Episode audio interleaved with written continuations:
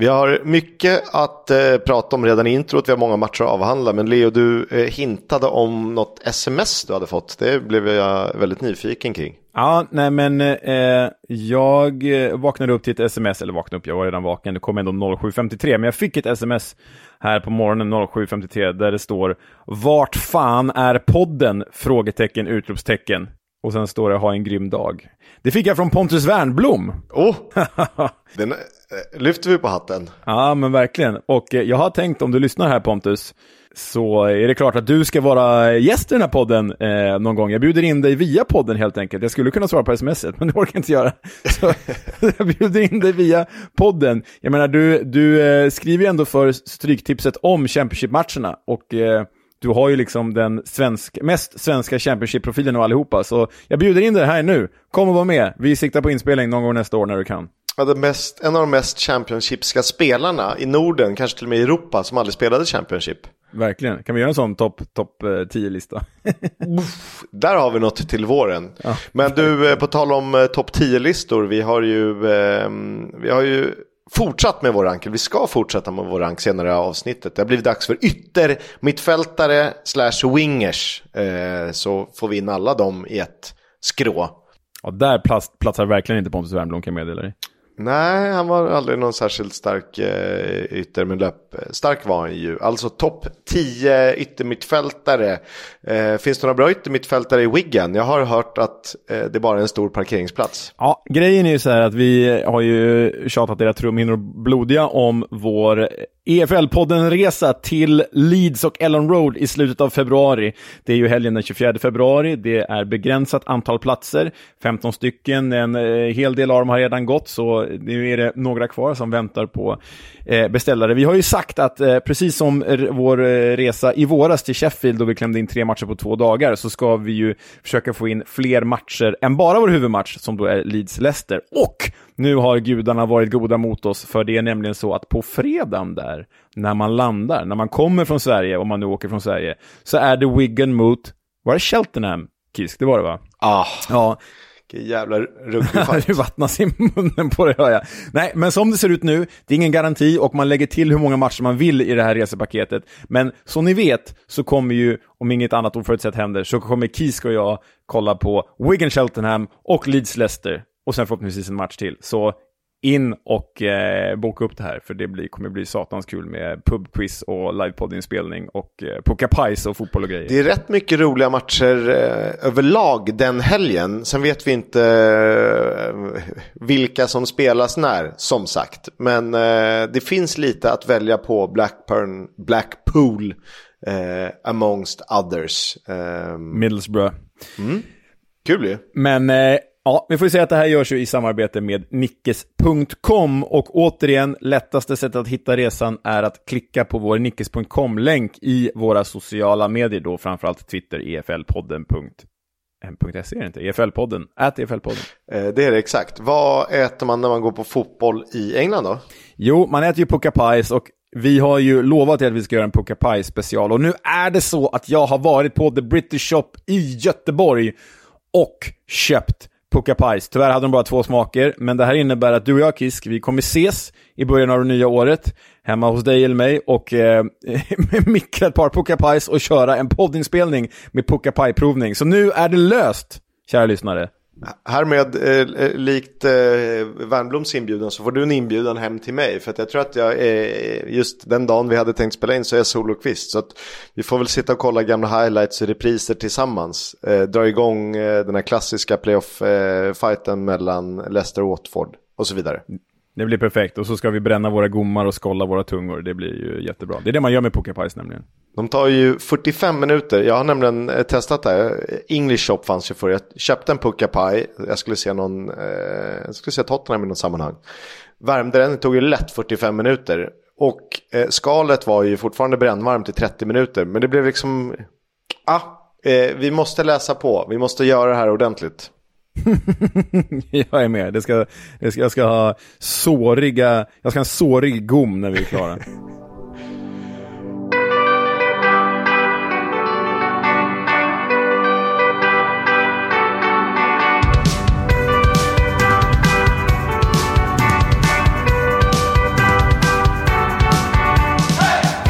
Du lyssnar på Footballs Coming Home, en podcast om Championship, League 1 och League 2 med mig, Oskar Kisk och naturligtvis eh, vid min eh, digitala sida. Eh, Leonard Jägerskiöld Welander är jag ju fortfarande. Ja, det vet vi. Det, det kan ändras fort. Det var Nilsson förra veckan och så vidare. ja, precis. Du, eh, 24 matcher att avhandla. Det är inte illa. Det är väl bara, det är väl bara börja känner jag, om vi ska komma till den där yttermittfältsrankingen någon gång.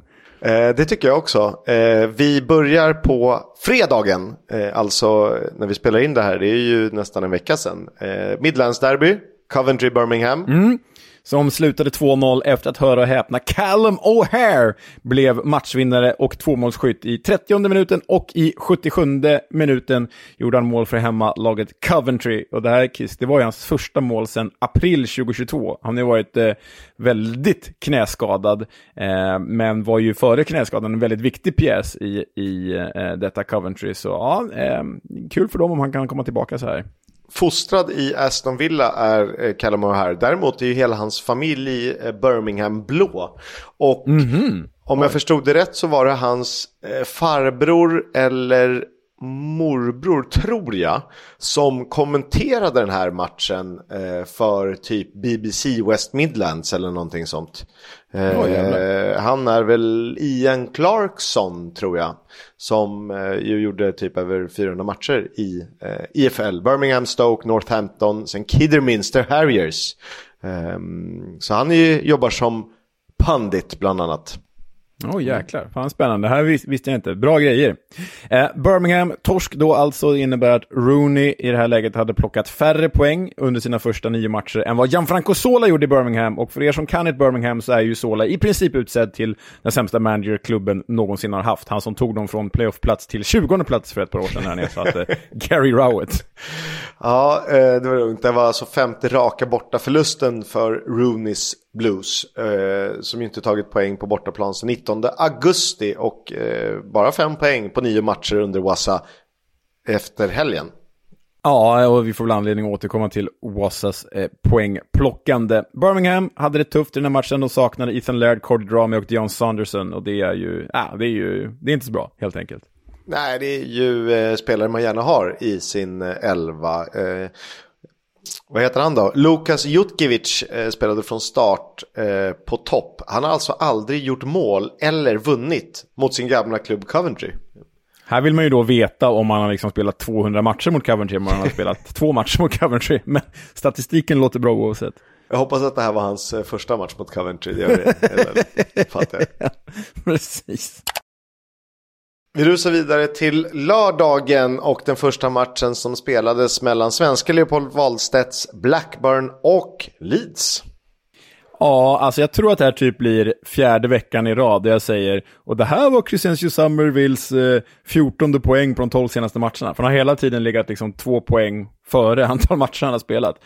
Men, eh, nej, men han är ju, han är ju sanslös den här spelaren. Gjorde ju mål igen här då, avgjorde med 2-0 målet. Daniel James hade gjort eh, 1-0 innan och det var ju Summervilles nionde mål för säsongen. Nej, det är ju en Premier League-spelare där, så är det. Om vi pratar andra halvan av första halvan av säsongen, eh, alltså typ de senaste 10-12 så är han ju seriens bästa spelare. Där den första halvan då kanske eh, tillhörde Jack Clark eller Gabriel Sara. Men Summerville har ju växt ut till ett eh, jäkla monster eh, som vi kommer få anledning att prata med om. Mm, det får vi ju. Så gillar man ju alla de här liksom eh, nederländsk, surinamesiska Nederländerna, för de har ju alltid så sjukt bra namn. Typ Crescencio Summerville, eller Clarence Edorf, eller Jimmy Floyd Hasselbank. Crescencio Summerville är ju en underhuggare till Ernst Stavro Blofeld, som ändå så här överlever i en och en halv film. nu är du på Bond-referenser, alltså, du är stark där, det är ju inte jag, men så, jag hängde med i alla fall, jag förstod. Ja, det är bra. Eh, Leopold Wahlstedt stod i kassen för Blackburn kunde inte stoppa Danny James eller Crescencio Summerville, alltså. Det kunde inte Blackburn heller som inte var dåliga men eh, fan, det är tufft att möta ett Leeds i slag som är effektivt. Eh, Leeds blev alltså tredje lag över 40 poäng. Eh, de har tagit 19 poäng på de sju senaste. Eller de hade tagit 19 poäng på de sju senaste. Många förändringar i veckoomgången.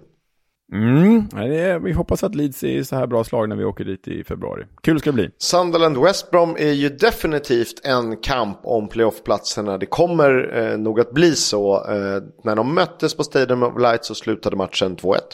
Ja, och Sunderland fick ju eh, effekt direkt efter tack och hej till Mowbray för eh, ja, de, eh, vet inte, de var inte jättemycket bättre, men de var ändå strået eh, bättre, strået vassare eh, efter mål från Daniel Ballard och Dan Neal. Det är väl två backar höll jag på att säga, men en back och en mittfältare, väl. Och Alex Pritchard eh, stod för dubbla assist, varav eh, det andra var ju faktiskt riktigt elegant. Ja, jätte, jättesnyggt. En, eh, det blev ju eh, en fin passning fram till eh, Neil som sen kunde lätta bollen över Alex Palmer. Eh, rättvis seger här. Ex-Sunderland-spelaren som vi känner igen från dokumentären Sunderland till Adai, Josh Maja, blev ju skadad av Daniel Ballard som då kanske skulle ha åkt ut. Ja, men den, jag förstår att det ropas på, på ett rött kort där. Det blev ju inte så, men jag förstår de som känner så. Vi är mer baggis vi är med er. Det vi. Eh, en som är med oss det är Dimitrios Gotas. Han gjorde matchens enda mål när Cardiff besegrade Millwall med 1-0 i kravallmötet. I kravallmötet, ja. Som inte Inga var... kravaller längre. Nej, som inte var så kravalligt, tack och lov. Nej, men blek match, det är ju... Alltså Cardiff har ju varit bra i år, och framförallt på hemmaplan, men det är sällan det är särskilt underhållande. Det kan man ju inte påstå. Um, och så var det inte den här gången heller. Första skottet på mål kom efter drygt 40 minuter. Men Dimitrios Gotas hyllade vi väl i, ja, det var så sent som förra veckan förra veckans avsnitt när vi listade honom som seriens näst bästa mittback hittills och eh, det visade han ju prov på här med att göra faktiskt någonting framåt. Mm, det är också många målstarka mittbackar finns det. Millwall, eh, blott en poäng på de fyra senaste och nu är de ju på allvar indragna i den där bottenstriden. Ah, det är ju faktiskt helt sjukt att säga. De, de har ju som sagt en seger från att komma på playoff i våras och så bara allt rasat. Nej, jag, nej, jag trodde ju verkligen att de skulle typ bli ett playoff-lag den här, den här säsongen också. Nej, trist. Ett eh, lag som eh, tampas där nere med Millwall eller kommer få göra i Huddersfield. De tog en poäng hemma mot Bristol City i mötet som slutade 1-1. Ja, och det var ju då första poängen på tre matcher för The Robins. Och eh, det som kändes som en sån bra start med Liam Manning har ju liksom bara pyst ut i någon pösig punka och det känns likadant som det var eh, under vår gode Nigel Pearson. Eh, Huddersfield däremot, fyra raka utan förlust. Visserligen tre kryss, men de puttrar på där precis, precis ovanför nedflyttningsstrecket. Ja, men tar man de kryssen så kan det ju vara ett mycket värt ändå. De kan inte, klart, de kan inte kryssa sig genom hela säsongen. Men ett par kryss här och där om man inte förlorar så är det ju, ja men då är man ju på säker mark som de ju faktiskt råkar vara nu. Mm, och återigen var den här jävla Spindelmannen, skurken, Delano Burgsorg. Egentligen är han väl Zelda Prins eller vad fan han är. Men nu blir han Zelda Boss. Zelda Boss, precis. Eh, återigen är han som gjorde mål för eh, Huddersfield. Undrar om Delano Burgsorg också är så här surinamesisk holländare, måste jag googla.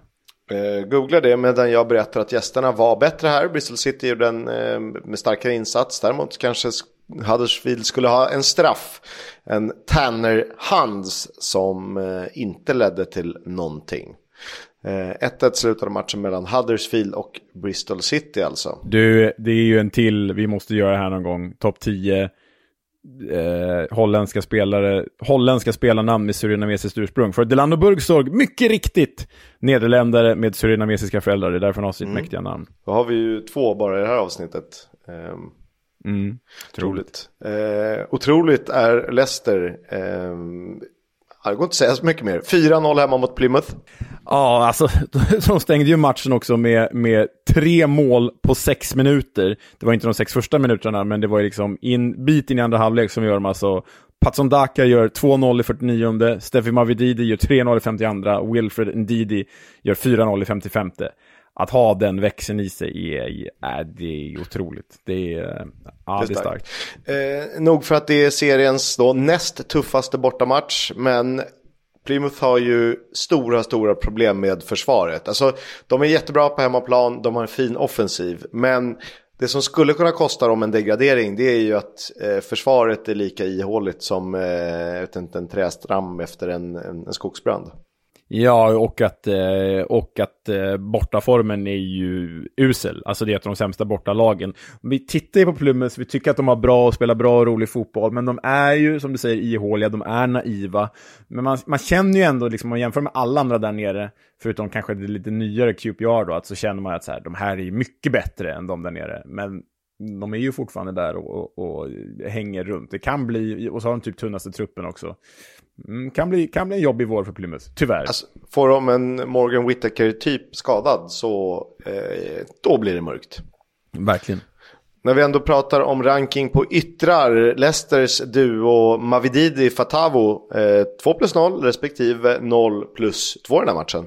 Ja, och vi får anledning att återkomma till båda de två i, i ytterrankingen. Och sen då den här jäkla bredden som vi pratar om i Leicester. Patson Daka, eh, landslagsman för övrigt, gjorde alltså sin första, eh, landslagsman för Zambia om jag inte säger fel, gjorde alltså sin första start för säsongen och då gör han mål och assist. Så liksom Patson Daka är deras tredje gubbe på topp. Tredje gubbe, alltså han hade ju gått in från start i i alla fall 14 av de här Championship-klubbarna.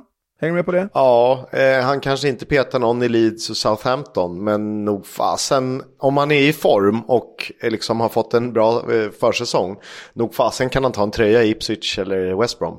Ja, gud ja. Verkligen. Ja, verkligen. Så att eh, det är styrkan och då har man ju Vardy och Iheanacho borta. Nej men det känns inte alls dopat. Det, det är som någon har spelat FM och så har de så här tryckt in i editorn jättemycket pengar och så bara, ja, nu ska vinna Championship. Vi går vidare till eh, just Ipswich som då skuggar bakom Leicester i tabelltoppen 0-2. Man vann borta mot Borough.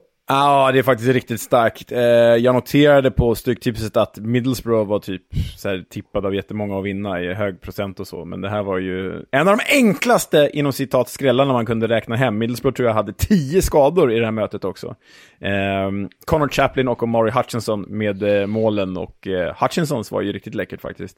Ja, verkligen. Eh, spelmässig delikatess. Det här är ju, visar ju på styrkan. Men de kan fasen göra mål på alla möjliga olika sätt. Men just uppbyggnadsspel och snabbt. Inte nödvändigtvis att det ska eh, passas 400 gånger. Utan eh, direkt fotboll och effektiv bevisligen.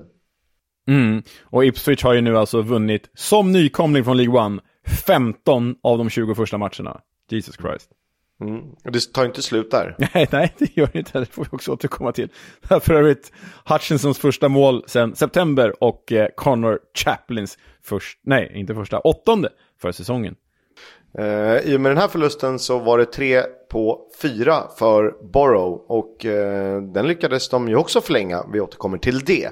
Norwich spelade 0-0 hemma mot eh, Preston North End men det var händelserikt för att vara mållöst. Ja, det blev ju 0-0, men ändå händelserikt. Faktiskt, tittar man på highlighten var det farliga chanser både fram och tillbaka, men det var Norwich som dominerade statistiken. Det var bara målen som saknades egentligen. De startade alltså med Gabriel Sara och Marcelinho Núñez som oh. sittande mittfältare. Oh. eh, frågan om man inte ska försöka använda dem lite längre fram. Om du vänder på diamanten så du får dem framåt och så har du ja. någon städgumma bakåt. Ah, ja, ja, herregud alltså. Det där, den där duon, jag håller med att man inte får ut typ inte ens 50% av dem. Alltså nu var ju Sarai fruktansvärt bra i början av säsongen. Men, eh, men de där två har ju potential att vara del av det bästa mittfältet i serien. Verkligen. Marti Cifuentes gör eh, något av en succé med QPR. Han plockade sin tredje raka seger hemma mot ett starkt Hall. 2-0 blev det. Ja, och vilka gör mål om inte Chris Willock och Ilias Cheir? Och vad var det vi sa under hela jävla Gareth Ainsworth-perioden? Spela både Cheir och Willock och spela inte över dem. Nej, han startade bara Cheir och spelade över honom. Det är klart det gick åt helvete, den dumma jävla pudelrockare. Eh, all kärlek till honom på annat sätt, men, men men det är klart det gick åt helvete. Cifuentes har ju liksom kommit in och han bara, det är klart, jag, jag kan tänka mig när Cifuentes fick det här jobberbjudandet, han bara, men vänta, det här är det enklaste jobbet i världen. Jag har en ganska bra trupp. Jag har två av seriens bästa kreatörer, varav en halv av dem används. Om jag bara spelar med de två så kommer vi gå upp till en trettonde plats utan problem. Så det är klart jag tar det här jobbet. Ja, det är det. Eh, det är ju, eh, behöver inte vara så mycket svårare än så egentligen. Eh, han eh, hyllade ju sin kreatörsduo också efter matchen med all rätt. Sen ska vi lyfta på hatten för Asmir Begovic som gör ett gäng kvalificerade räddningar som nog kan ha räddat en och annan eh, poäng i den här matchen. Ja, men Begovic har ju varit bra trots sina lastgamla 36 år eller vad han är. Som, han är 39 va? 39? Jesus Christ. Ja, då är han ju gammal på riktigt. Ja, jag är ett år äldre än vad du är. Nej, två. Jag fyller 37 på boxen. Mm. Ja, det får vi fira. På tal om målvakter, Victor Johansson stod för Rotherham. Eh, men det är fasen inte mycket att göra för honom när de förlorar match efter match efter match. Ja, 1-2 mot Swansea och eh, eh det... Jag tycker det är hårt för grejen att det blir ju, hela matchen avgörs ju av att Daniel Ayala blir utvisad i, i Rotherham efter drygt kvarten och det är ett jävligt hårt rött kort alltså. Det... Ja men det är väl, det är, det är två Mm, gula. Mm, det är väl en, eh, först ska han in med bollen på planen och det är ganska tidigt in i matchen, åtminstone liksom under första kvarten. Och ge gult för det, det kan man ju ge, det står ju för fan 0-0 då, vad spelar det för roll om man springer in tre meter? Det här ska ju stävjas i 89 när ett lag leder med 2-1 och försöker förstöra all form av spel. Och sen är det ju en liten eftersläng. Eh, det frågade de, det är på Charlie Patino. Eh, den är lite sen i alla fall. Och det, en av de här kan jag acceptera i gula. Men att ge båda, det är så jävla paragraf. Ah, jag, ty jag, tycker det är hårt också. Eh, roliga målskyttar för Swansea, Charlie Patino och Jerry Yates. Och framförallt så vann ju Swansea direkt efter att de sparkat Michael Duff. Så det kanske var rätt. Mm. Att vi aldrig Fan. körde eh, när vi hade chansen. Kommer du ihåg Simpsons Duffman? Ja, ja, det är det enda jag tänker på när jag hör något med Duff. Eh, Kisk, eller Kisk, Kevin, lägg in Duffman här. Med Duff Beer. Mm. Oh yeah! Oh yeah! Duffman is here to refill your beer! Eh, Rotherham går ju tungt som tåget. Tåg går ju inte eh, särskilt eh, tungt. Men här var de alltså, de var ju enda laget i bottenstriden som förlorade under helgen. Eh, sen kan man väl räkna in Millwall och Stoke där också. Och Plymouth. Men eh, eh, fasen det går tungt för Victor Johansson. Vi, vi lider med honom. Eh, jag tror att vi behöver skicka iväg honom. Alltså, Borrow, Senideng, jag är ledsen. Det funkar inte. In där. Första spade. Ja, nej men jag är, jag är med på det. Eh, jag tänkte faktiskt, om vi tar en, bara en sån kort liten passus, så ska vi göra en grej här. Var hade eh, Victor Johansson startat? Om vi säger klubbarna så säger vi bara snabbt ja eller nej. Är du med? Det är, det är ändå 24 klubbar, vi ska säga snabbt, snabbt som satan. Okej, vi tar det nerifrån och upp då. Ja. Sheffield Wednesday? Ja. Ja. Ja. QPR? Nej. Eh, nej. Huddersfield? Ja. Ja. Millwall? Ja. Ja. Stoke? Ja. Ja. Plymouth? Ja. Ja. Swansea? Ja. Ja. Ja, det tvekar du. Vi fortsätter. Birmingham? Ja. John Rudley. Ja, men ändå fan. Uh, alltså så här, jag tycker ju det, men jag tror inte att Rooney tycker Nej. det. Uh, om man får säga så. Ja. Okay. Bristol City? Ja. Ja, jag tror nog det. Coventry? Nej. Ja. Jo, ja, Ben Wilson har inte varit jättebra den här säsongen. Bytt, inte som förra säsongen. De har bytt honom till Bradley Collins nu de senaste matcherna. Ja. Det är sant. Ja. Ja, kanske han startar. Middlesbrough? Ja. Ja. Watford? Nej. Ja. Det var ju olika. Jo. Bachman tänkte jag. Norwich? Ja. Ja. ja. Cardiff? Ja. Ja. Blackburn? Nej. Uh, nej, inte just nu. Preston? Nej. Ja, ja. Hull? Ja. Ja. Sunderland? Nej. Nej. West Brom? Nej. Nej. Southampton? Alltså Gavin Bazunu ja. får mycket skit, så ja. Leeds? Ja. Nej. Nej, ja, alltså det är svårt med Melier för att inga siffror talar för honom.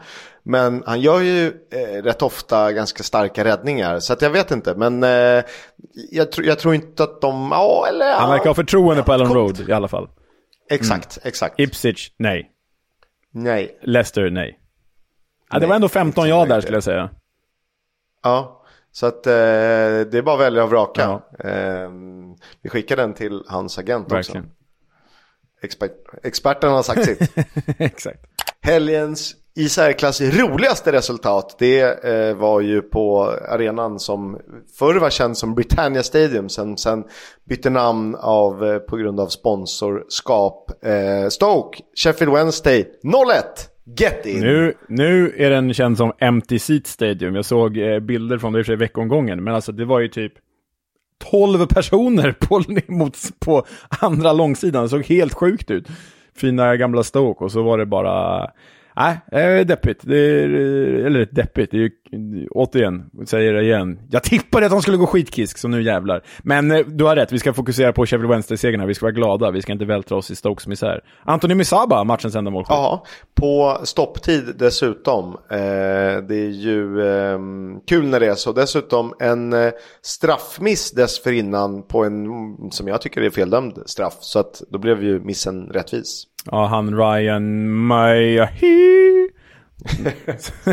Som det antagligen inte uttalas, men ja. Eh, Stoke ruskigt formsvagt, fjärde raka förlusten, formsvagast i ligan då, eh, sett till och med helgen. Och det innebar ju tack och hej till Alex Neil.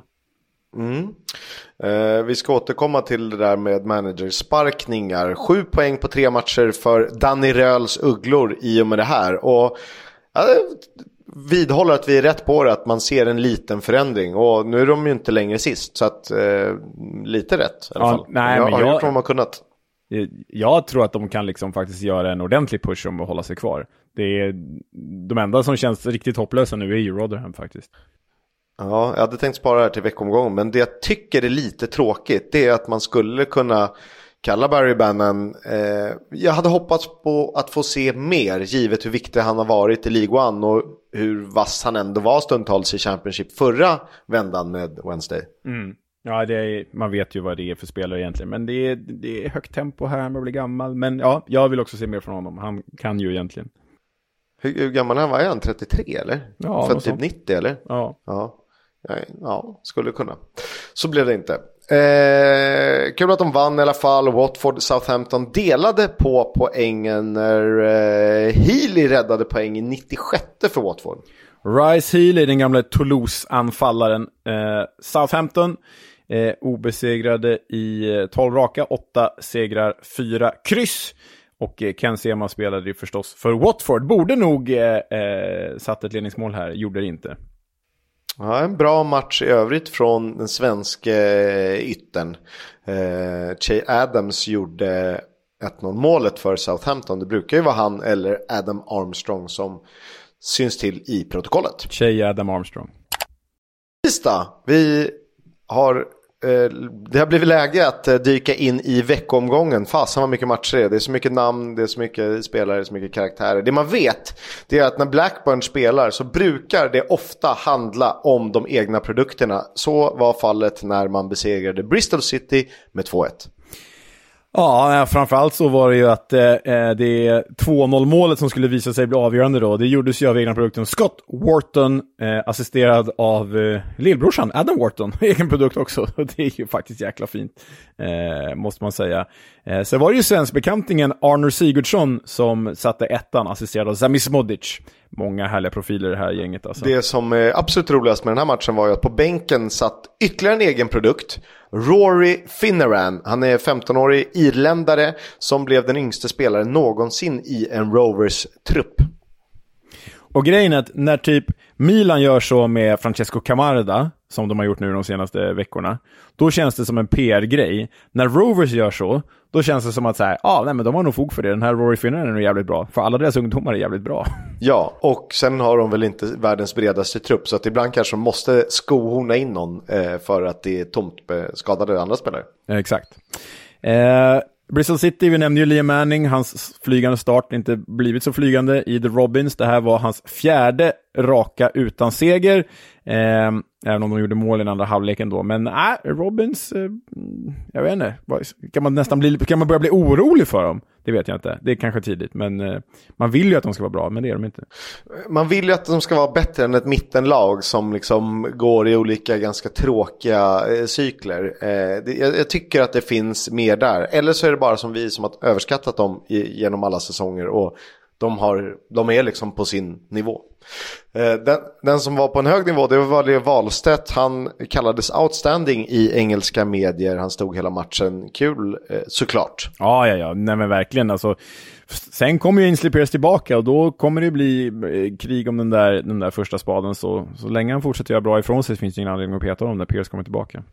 Huddersfield, Preston North End slutade 1-3 och äntligen var Pini tillbaka på vinnande spår. Ja, men de är ju jävla märkliga Pini. Alltså det, jag, är, jag är ledsen Kiss, det kommer inte räcka att de vinner här mot Huddersfield med 3-1. De kommer komma 12 eller 11 eller något sånt där till slut. Men nu är de ju precis på den nivån jag trodde att de skulle vara. Sen kanske trodde att de skulle ha ett lite mer jämn och inte lika höga de toppar de faktiskt har haft. Eh, de ligger ju åtta strax bakom playoff. Eh, förlorar lite för mycket, släpper in lite för mycket mål. Men i övrigt är de ju med och utmanar om playoff, men inte riktigt där. Nej, nej, men Precis som jag sa! Ja, det var typ åtta du satte dem som, tror jag.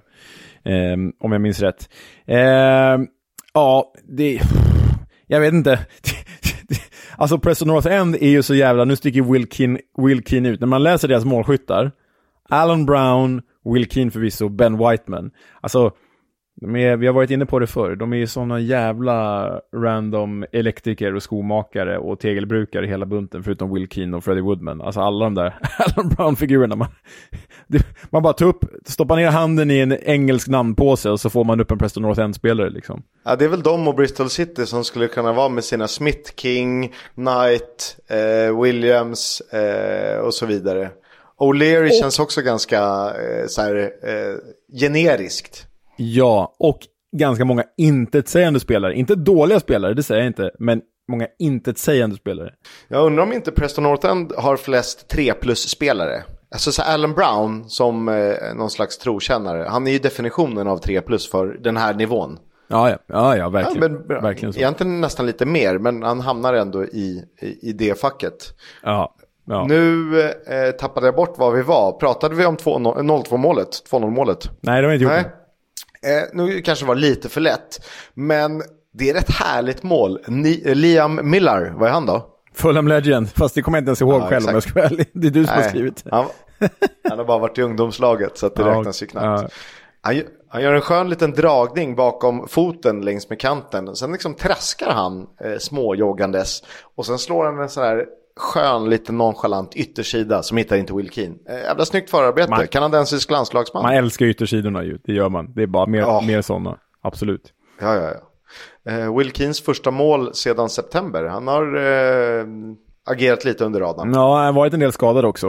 Eh, Huddersfield försökte ju paniskt, de gjorde trippelbyte i paus, men kom inte närmare än 1-2 eh, innan det blev 1-3. Danny Ward mål för Huddersfield. Dwayne Holmes, på tal med en annan 3 plus-spelare, dubbla assist för Preston North End. Ja, exakt, nu har de ju sålt Daniel Johnson till Stoke eh, under sommaren. Det är också en 3 plus-spelare.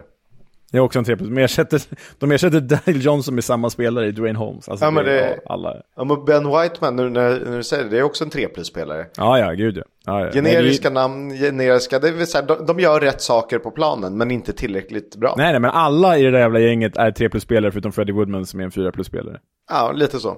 Liam Richardson, en ny manager för Rotherham, han kunde dock inte göra så mycket när West Brom kom på besök till New York Stadium. Nej, och eh, West Brom eh, har ju verkligen fått igång maskineriet, även om det var eh, förlust där i helgen då. Men Grady Diangana och Jed Wallace med varsitt mål. Och Jed Wallace, satans jäkla frispark. Vad är det för frispark? Han bara mörsar in den, det är ju stenhårt. Ja, eh, tycker du att eh, Victor Johansson ska ha den?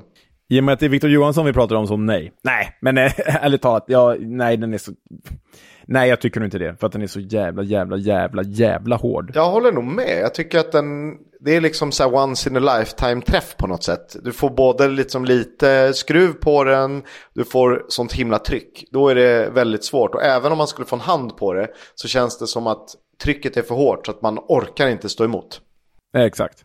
Eh, tråkig match för Victor Johansson. De var ju bara två skott på mål där av Diangana och Wallace. Båda gick in. Kunde inte göra så mycket på någon av dem, men ändå tråkigt att konstatera. Och eh, vi får ju se vad den här eh, manager-tillsättningen betyder i längden. Tuff första match att börja med, men, men eh, det ser ju inte jättebra ut för The Millerman. Nej, jag, det är väl det laget jag som känns som en given jumbo. Eh, det kommer man säkert få äta upp. Men jag ser liksom inga tendenser till någonting som skulle kunna rädda dem kvar. Sheffield Wednesday skulle kunna göra eh, fyra, fem bra matcher. Det skulle kunna räcka med lite flyt för att något av de andra lagen, Stoke eller Millwall, liksom inte orkar längre. Eh, men här ser jag ingenting. Ja, men vi kan väl avslöja vår jumbo nu redan när vi tippar återstoden av säsongen i mellandagarna. Det kommer ju vara Rotherham, i alla fall från min sida. Det blir nog det även från min sida. Eh, vi pratade om Stoke, de tog emot Swansea, de fick i alla fall en poäng. I Derby della managerlösa klubbar noterar jag att de har skrivit det här i körschemat. De börjar bli riktigt svaga de här derbyna nu alltså. ja men vad fan, det är, jag tycker inte det spelas några riktiga derbyn, så man får ju trycka in det man har. Ja, eh, det har du så rätt i. Stoke eh, ledde med 1-0. Daniel Johnson, som vi nyss nämnde, eh, eh, hade satt ettan på straff. Men formsvackan fortsätter för Harry Darling kunde kvittera för Swansea 89 och det är alltså sju utan seger för Stoke. Ja, man blir ju lätt illamående när man tänker på det faktiskt. Mm. Uh, the Potters bättre i den här matchen. Swansea faktiskt direkt svaga. De, eh, på tal om att Bristol City kan vara involverade. Swansea är ju involverade, eh, även om de inte har förlorat så mycket på sistone. I någon form av extended absolut. bottenstrid. Absolut, absolut. Fan, det var ett jävla bra rubrik. Eh, det var en jävla bra rubrik. Extended bottenstrid. det ska jag ta med mig. Watford eh, gjorde 1-0 på Ipswich, men de förlorade matchen såklart. Galna jävla Ipswich har jag skrivit. Ja, och alla tre mål i den här matchen såg ju exakt likadana ja. ut. De såg exakt likadana ut. Jag tittade på den här highlighten och bara, vänta, Gjordes inte det där målet alldeles nyss? Alltså de ser ju verkligen likadana ut. Så här, de bara så här bredsida in, de passar in bollen, alla tre målen. Ja, nej men det är oerhört starkt av Ipswich att vända det här. Då gick de ju upp i tillfällig serieledning eh, i och med att de spelade på tisdagen och eh, Leicester på onsdagen för första gången sedan augusti. Och därmed blev också Ipswich första laget över 50 poäng. Mm, det blev de. De slog ett rekord som vi återkommer till när eh, vi pratar om Leicester lite senare. Eh, Elton John, Ed Sheeran, supportrar till respektive klubbar. Eh, ni vet vilken, vilka. Eh, var båda på plats och satt tillsammans på läktaren, kul.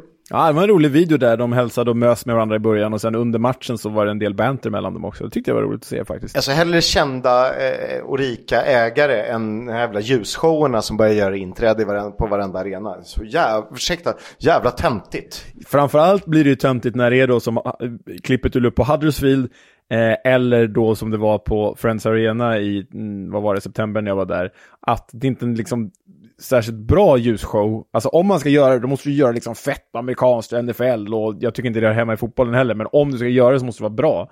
På Friends och i Huddersfield, då var det så här, okej, okay, vi har inga andra färger än den vanliga lampan. Det är liksom som att någon står och tänder och släcker lampan i ett vardagsrum så här. lite så här fördröjning också, så det blir det otakt. Ja, jag, exakt. Äh, så pinsamt alltså det, går man, åker man på Super Bowl, eh, om man får göra det, då, då får man väl acceptera det. Men här i en kultur som man har varit med och format på något sätt, då, då slipper man det gärna. Ja, yeah, så är det.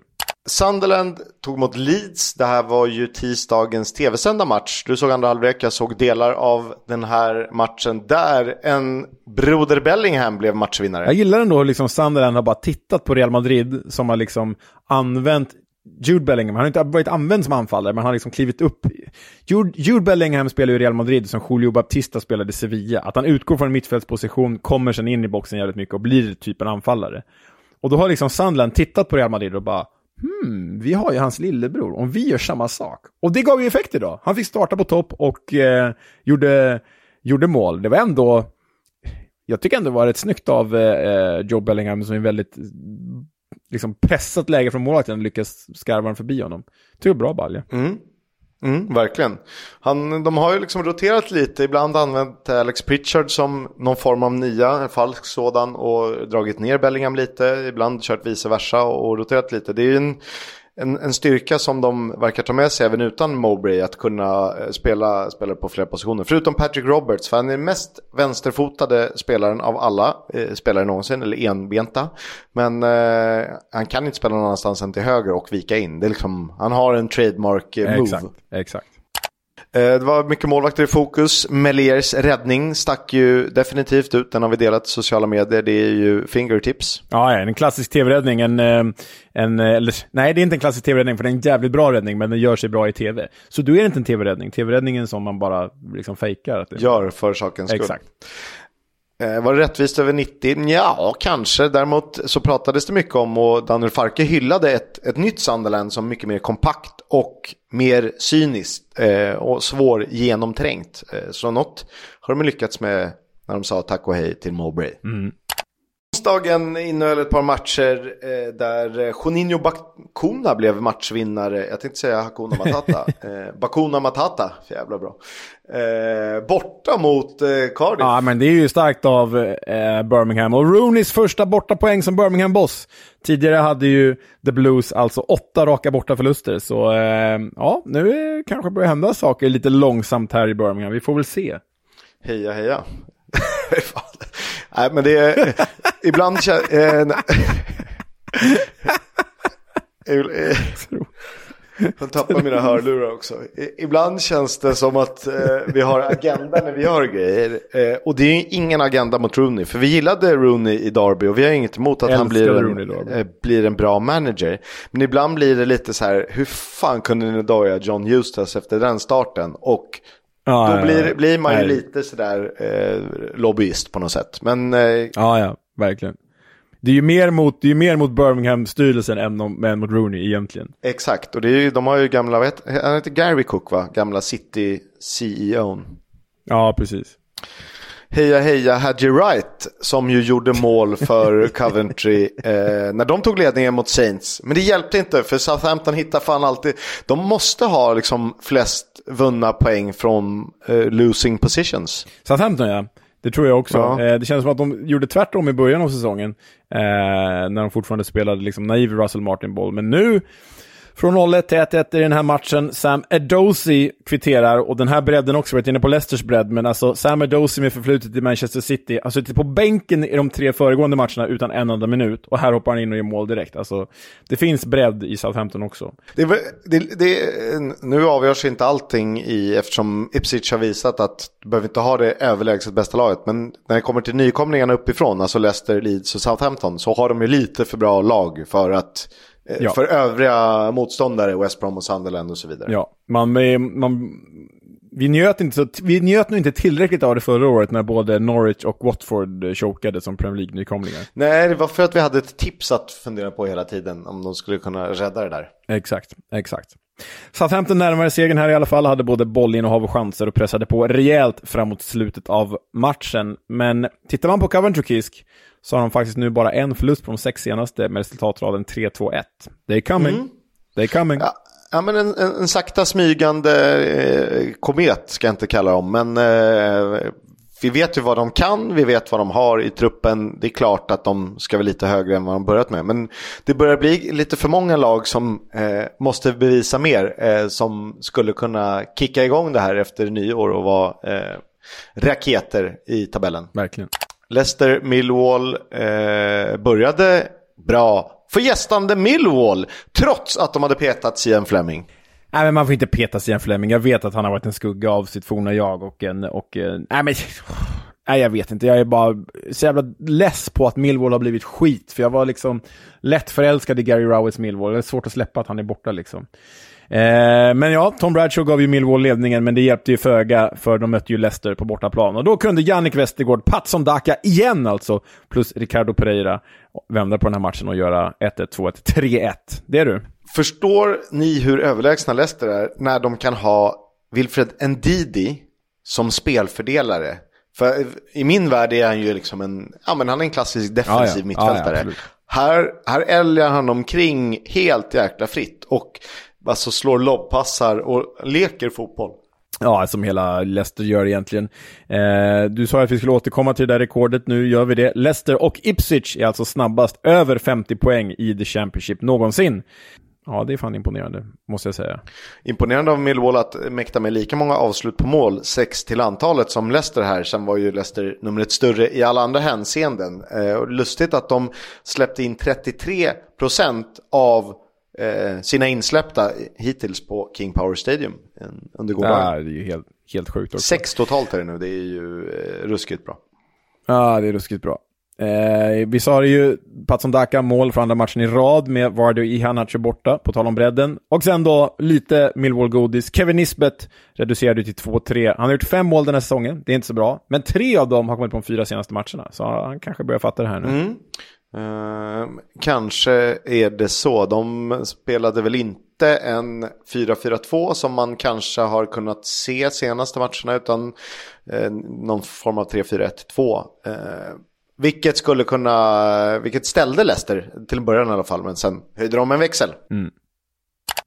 Norwich City eh, tog emot Sheffield Wednesday, slutade 3-1. Ja, eh, från Wednesday-hållet har vi med oss att Bailey Cadamartieri gjorde mål igen när han kvitterade eh, för Wednesday. Han offrade sig väldigt mycket i nicken där, började blöda och såg ut som fucking joker när han stod och log med blod i hela ansiktet mot, eh, mot publiken. Vet du om han eh, nickade med näsan, för jag försökte kolla reprisen, nickade med näsan eller om han fick en smäll efter att han hade nickat? För det bara sprutade blod. Ja, det är verkligen spruta blod. Och han har blod i munnen överallt när han firade mål. Det ser helt groteskt ut. Eh, två mål från honom nu på sex matcher, blott 18 år gammal och startspelare i Wednesday. Det kanske säger något om Wednesdays material, men det säger också något om den här killen. Det här är ju spännande på riktigt ju. Det här är verkligen superspännande. På tal om spännande då. Borja Sainz gav eh, Norwich ledningen. Han kom ju under sommaren. 1 plus 1 i sin första start för The Canaries och det är högkvalitativt mål. Jättesnyggt. Ja, det är riktigt bra. Han har liksom varit skadad och man trodde ju mycket på honom i somras och så blev han skadad direkt. Så äh, kul för Norwich som verkligen kan behöva det där i och med att eh, han jänkan är borta och Josh, Josh Sargent. Sargent. Ja.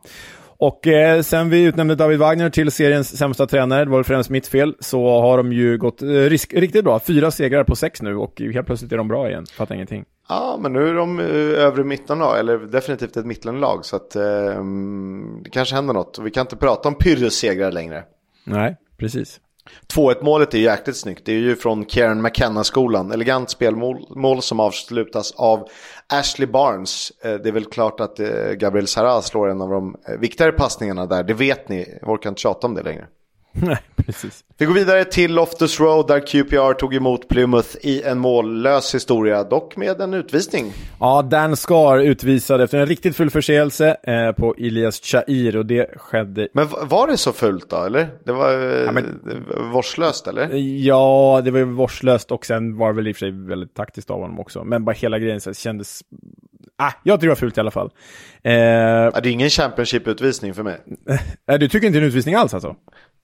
Nej, brandgult kan jag nog köpa. Möjligt också att um, Plymouth ska ha frisparksituationen innan. För då är det ju eh, sträckta ben och dobbar in mot vem det nu var. Eh, som gör att de vänder spelet QPR. Ja, den tänkte jag ja. på. Nej. Ja. Nej, jag är ingen VAR-förespråkare. Det blir som det blir. Det blir som det blir.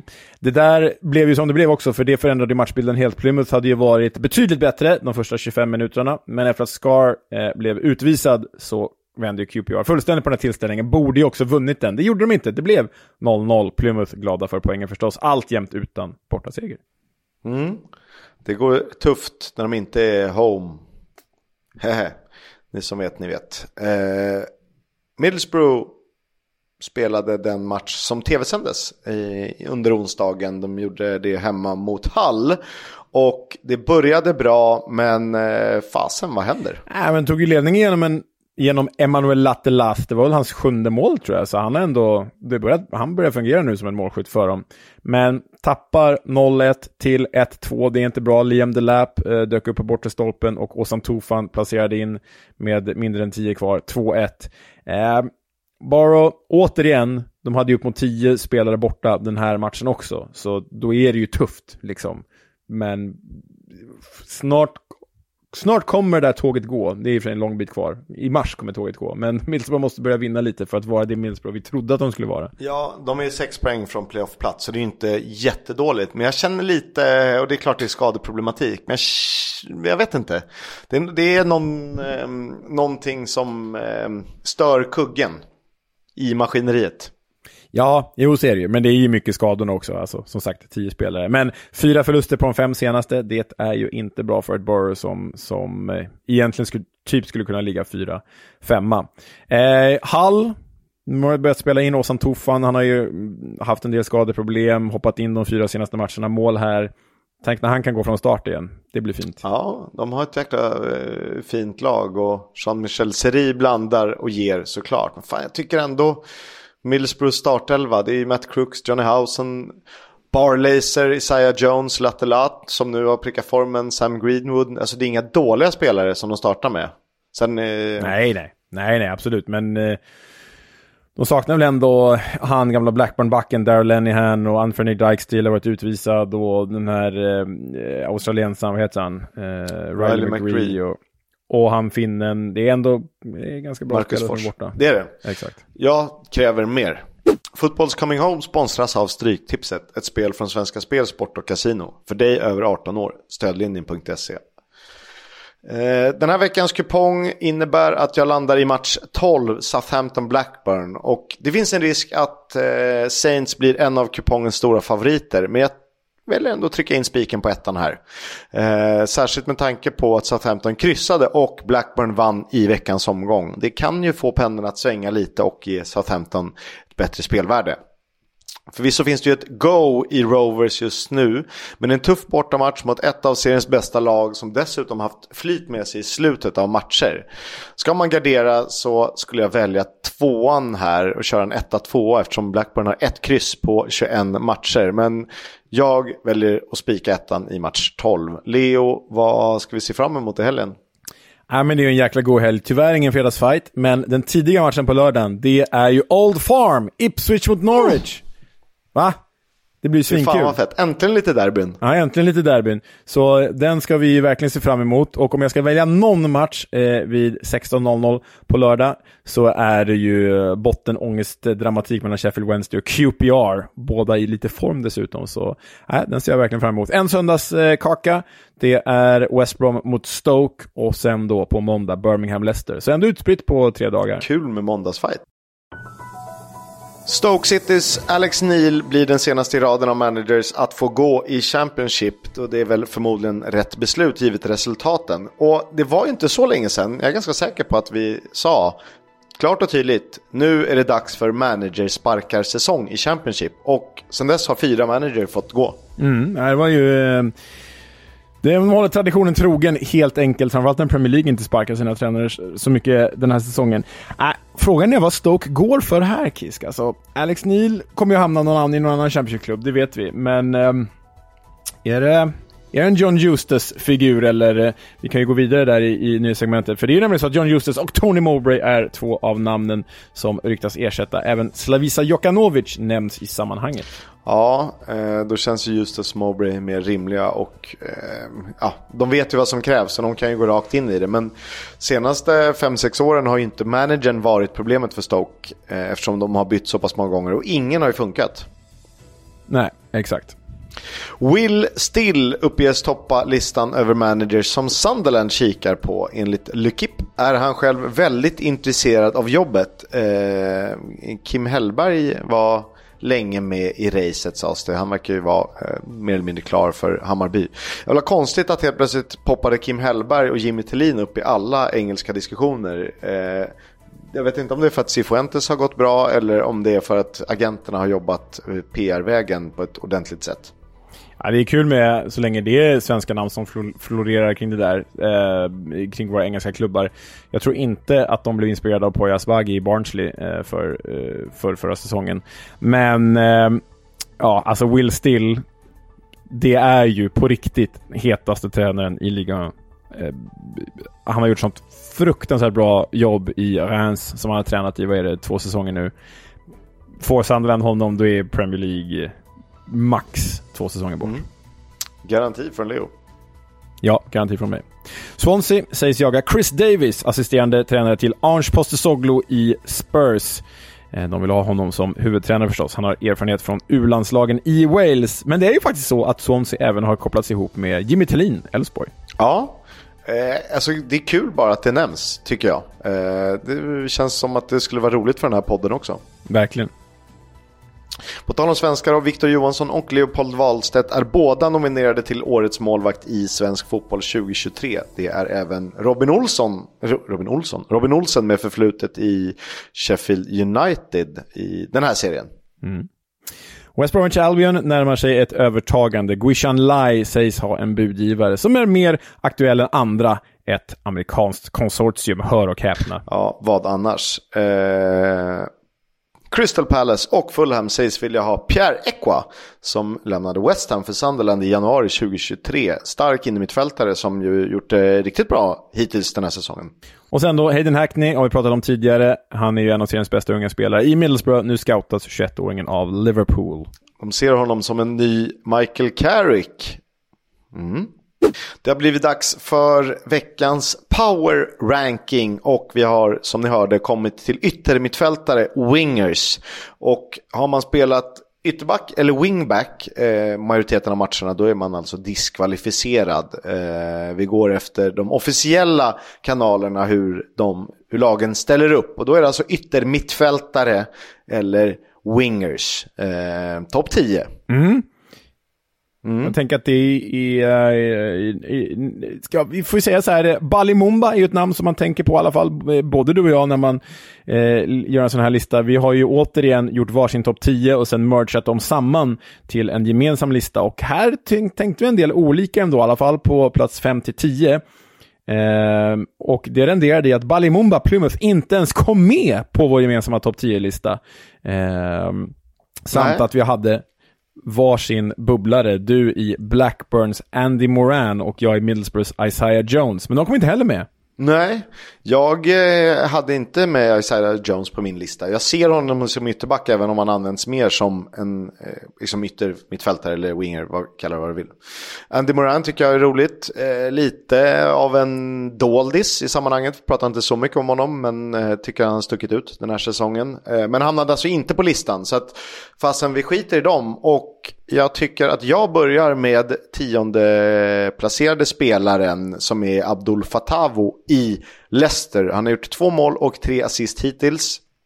Eh, ung och lovande fortfarande, han är väl bara 19 år. Men eh, stort, stort genombrott. Han är född i Ghana, han tillhör Sporting Club de Portugal. Han är snabb, han har ett jättebra tillslag, ett ständigt hot för eh, Leicester ute på kanten. De har ju honom till höger oftast och Mavididi till vänster. Eh, jättebra spelare. Mm. Eh, en, en liten revelation får man ju säga den här säsongen, för man hade ju inte aning om vem det var innan. Och man hade heller inte en aning om vem Jonathan Rowe var innan den här säsongen, även om han spelat lite i Norwich tidigare. Men Jonathan Rowe, alltså 20 år gammal, eh, engelsk ytter, han eh, fostrades i både AFC Wembley och i Norwich och har ju bara spelat A-lagsfotboll då för Norwich City. Han har gjort det med den äran. Han har alltså sju mål och en assist. Jag tror att det är till och med åtta plus ett efter igår faktiskt. Åtta mål och en assist. Eh, och han var ju framförallt som bäst i början av säsongen när han eh, delade, eh, spelade på motsatt kant som Josh Sargent och Norwich gick fruktansvärt bra. Men nu när de börjar gå bra igen nu David Wagner så har Jonathan Rowe klivit fram och nio. Nio poäng för en 20-åring från sitt vänstermittfält är ju faktiskt riktigt bra. Dessutom debuterat i engelska u landslaget med mål där, så mm, framtid. Superkul. Jag tycker eftersom jag inte hade eh, vår gemensamma åtta på min lista, men du hade det, så får du ta honom. Och det är en spelare jag gillar, men som, jag, eh, som behöver visa lite mer den här säsongen. Ja, men där har jag ju tryckt in Chris Willock från Queens Park Rangers. Jag hade honom på sjätte plats i min lista, du hade inte med honom alls. Han har bara gjort 3 plus 1 den här säsongen. Men det har ju inte riktigt att göra med att han har varit dålig. Det har att göra med att Gareth Ainsworth inte har spelat honom. Och sen så fort han får spela, ja då gör han 3 plus 1 på typ sex matcher. Eh, så nej, jag tycker att Chris Willock, det är inte den Chris Willock vi såg för två år sedan som både du och jag kallade för typ seriens bästa mittfältare, eller bästa offensiva spelare. Men eh, jag tycker att under Cifuentes har vi sett den potentialen igen. Han får spela och då lyfter sig hela QPR och han gör det så fruktansvärt jäkla bra. Borde väl i och för sig avgjort nu mot Plymouth här i veckan också. Men nej, Willock tycker jag ska vara med här. För ger vi honom ett halvår till så tror jag att han är med på topp 5 på den här listan. Ja men eh, fortsätter det så här så är han ju med på topp 5. Det är ju eh, garanti. Definitivt på topp 10. Men eh, i min värld inte just nu. Eh, på sjunde plats då, Nathan Broadhead i Ipswich Town. Han har gjort sju mål och två assist hittills. Och eh, användbar på flera positioner offensivt, kan spela även centralt, kan spela eh, på topp själv. Eh, Ipswich har han oftast utgått från vänster och gör det både med kvalitet i avslut och i framspelningar. Och en jävla härlig spelare för att eh, han sticker ju inte ut som något, eh, alltså han är inget fenomen som många andra eh, yttrar är, utan han är lite sådär menlös, men han träffar ju verkligen rätt i Ipswich tycker jag. Ja, jag fyllde på där. Det var därför jag hade dem ganska långt ner på min lista. För man kan inte säga, jag hade dem på tionde plats. Man kan inte liksom skoja bort 7 plus 2. Men liksom Nathan Broadhead i det här, alltså det är ju en jättebra insats, det är inte det. Men Nathan Broadhead i den här upplagan av Ipswich påminner mig lite om typ så här, ska återigen göra en Serie A-koppling, men påminner mig om, om vi backar bandet bak i 20 år och tittar på Salajeta eller? Nej, men om vi tittar på, nu kommer jag ta mer defensiva spelare, men typ så, ja, så här, Birindelli, Takinardi, Pesotto, nej Pesotto är väl hårt, men i alla fall Birindelli och Takinardi. Skitspelare som i Juventus spelade skitbra, bara för att det var ett bra system. Och det är min känsla med Nathan Broadhead, att tar vi ur honom ur det här, ur det här Ipswich så, så är han fan inte så bra. Men man kan inte blunda för 7 plus 2, då är han ju en perfekt rollspelare. Så jag vet inte, jag är väldigt, jag känner dubbla känslor kring honom, för det, jag ser ju att det är en skitspelare, han är ju inte så bra, men han fungerar perfekt i det här systemet. Jag, eh, jag gillar verkligen din tanke och jag tror att du är rätt på det. Men eh, samtidigt kan man nog göra som med ganska många spelare i det här Ipswich. Det är ju inte många som är några liksom, eh, spektakulära lirare, men de träffar rätt i systemet. Och kan man inackordera sig i systemet och vara bra. Jag skulle kunna dra jämförelsen Jonathan Ring eh, den säsongen Djurgården vann SM-guld. Han har ju varit okej okay i allsvenskan. Eh, både före och efter. Men här har han en säsong som han är fantastiskt bra. Och han lyssnar på tränarna, förstår vad han ska göra, gör precis det. Eh, tar inte för mycket egna initiativ utan lagom och då ja. blir han jättebra. Ja, så är det väl. Sjätte plats, har jag ju hyllat tidigare som eh, säsongens nyförvärv. Nu har vi någon på sjätte plats som eh, eh, bäst ytter just nu. Det är Morgan Whittaker i Plymouth. 8 plus 3 har han gjort. Och det är lätt att luras och tro att han spelar striker. Det gör han inte. Han är ju liksom en kantanfallare, ytter, offensiv ytter. Eh, alltså de värvade honom för, vad var det Kisk, en miljon pund från Swansea både Swansea och Derby har ju verkligen kastat bort den här talangen. Han är ju Dar född i Derby och Derby-fostrad, men eh, båda har ju sålt honom för kaffepengar och jag lovar dig att Plymouth kan nog sälja honom för det tiodubbla eh, när det väl blir dags. Det kan de definitivt göra. Han är ju, eh, fast han skulle kunna spela Premier League nästa säsong, eller åtminstone börja känna på det lite. Eh, vi går vidare till plats fem på listan. Där hittar vi Steffi Mavididi i Leicester som gjort fem plus fyra hittills. Och jag tror kanske att det här är den yttern med absolut högst, högsta nivå eller störst eh, potential. Och det vet vi inte riktigt än. Men jag tror att det går att få ut ännu mer av en spelare som gjort det bra hittills. Men som jag tror skulle kunna få ut ännu lite mer. Eller vad säger du? Ja, alltså jag har ju älskat honom ända sedan hans eh, dagar i Ligue 1. Han var ju fenomenal i Montpellier, gjorde ju 21 mål på 91 matcher där. Och då tyckte man ändå att, man, att han kämpade med produktionen. Eh, har han ju dessutom hunnit med att fostras i Arsenal och vara Juventus ungdoms, ungdomsorganisation. För han är ju ändå bara 25 år gammal. Nej, men jag håller med. Alltså, den här killen kan ännu mer. Och då är han redan riktigt bra. Ja, han, syns, eh, det känns som att han skulle kunna liksom explodera och göra två, tre månader i rad som är helt sanslöst bra. Men eh, det vet vi inte. Och det, det, är väl därför han är eh, femma och kanske inte riktigt, eh, eller strax bakom dem, eh, vår topp fyra. Och nu har vi en annan Fulham Legend som inte alls är en Fulham Legend, men eh, eh han var ändå i Fulham säsongen 22-23, satt inte så stort avtryck. Den walesiska landslagsmannen Daniel James, 26 år gammal, Eh, born and bred i Kingston upon Hull, även om han sen slog igenom i Swansea. Eh, han har ju varit ruskigt bra i detta Leeds med enorm poängproduktion ändå för sin position. 7 plus 4 har han. Han är ju typ snabbast i serien och har liksom det sjukaste skottet för en spelare på den här positionen. Och så håller han ju Villinjonto utanför startelvan med enkelhet. Det gör han definitivt. Eh, viktig poängproducent, 7 plus 4, eh, tror jag att du sa. Och han har ju varit en konstant när Daniel Farkes Leeds liksom accelererat uppåt och etablerat sig som den givna utmanaren till eh, där strax bakom eh, Leicester och Ipswich. På plats tre då, eh, det är väl vad vi skulle kunna eh, kalla för säsongens offensiva komet. Det är Jaden Philogene Bides, han spelar i Hull City. Han har 6 plus 5, han gör mål, han spelar fram. Han är en poängmaskin eh, som används oftast som vänster mittfältare. Spelat lite även ute till höger och gjort det fantastiskt bra den här säsongen och har en stor del i att Hull är det eh, den playoff-utmanare vi ibland har varnat för. Och när en sån som Ozan Tufan har varit skadad, som ju alltid gör mål, så är det sjukt viktigt att ha en Jadon Philogene. Jag vill bara lägga till där med Jaden Philogene Bides att eh, sen jag bytte in honom i Gaffer så har han på tre matcher missat en straff och gjort noll poäng. Men jag håller med, han ska hittills rankas på tredje plats i den här listan. Andra plats, Jack Clark, Sunderland, 10 plus 1, har mattats något. Här pratar vi alltså om bäst. Och då eh, är det väl en annan som är bäst. Men hade vi pratat viktigast, då hade den här spelaren nog legat på nummer ett av alla positioner i hela serien. För så viktig är han för Sunderland, eh, Jack Clark. Det är ju definitivt en Premier League-spelare för nästa år. Eh, det är det. Han kanske sviktar mer i kvalitet än vår etta på listan. Men jag hade Jack Clark som etta för att han är en MVP som ytter. Och eh, kanske överlag den viktigaste spelaren för ett lag. Eh, åtminstone för den offensiva sådana. Eh, dessutom har han en jävligt härlig spelstil när han eh, flyter omkring eh, med utgångsposition till vänster och eh, dominerar på Stadium of Light. mattats något men eh, vi vet ju vad han kan. På, etta, eh, på första plats då, eh, din etta, min tvåa. förmodligen den bästa ytten, men han har ju också en mycket starkare omgivning än bland annat Jack Clark och, och Philogene Bides. det är ju Bondskurken Crescencio Somerville. Ja, alltså 9 plus 6, vi har ju redan hyllat honom. Det är risk för att det blir så här surinamesisk sörja det här avsnittet, men det är en positiv sörja.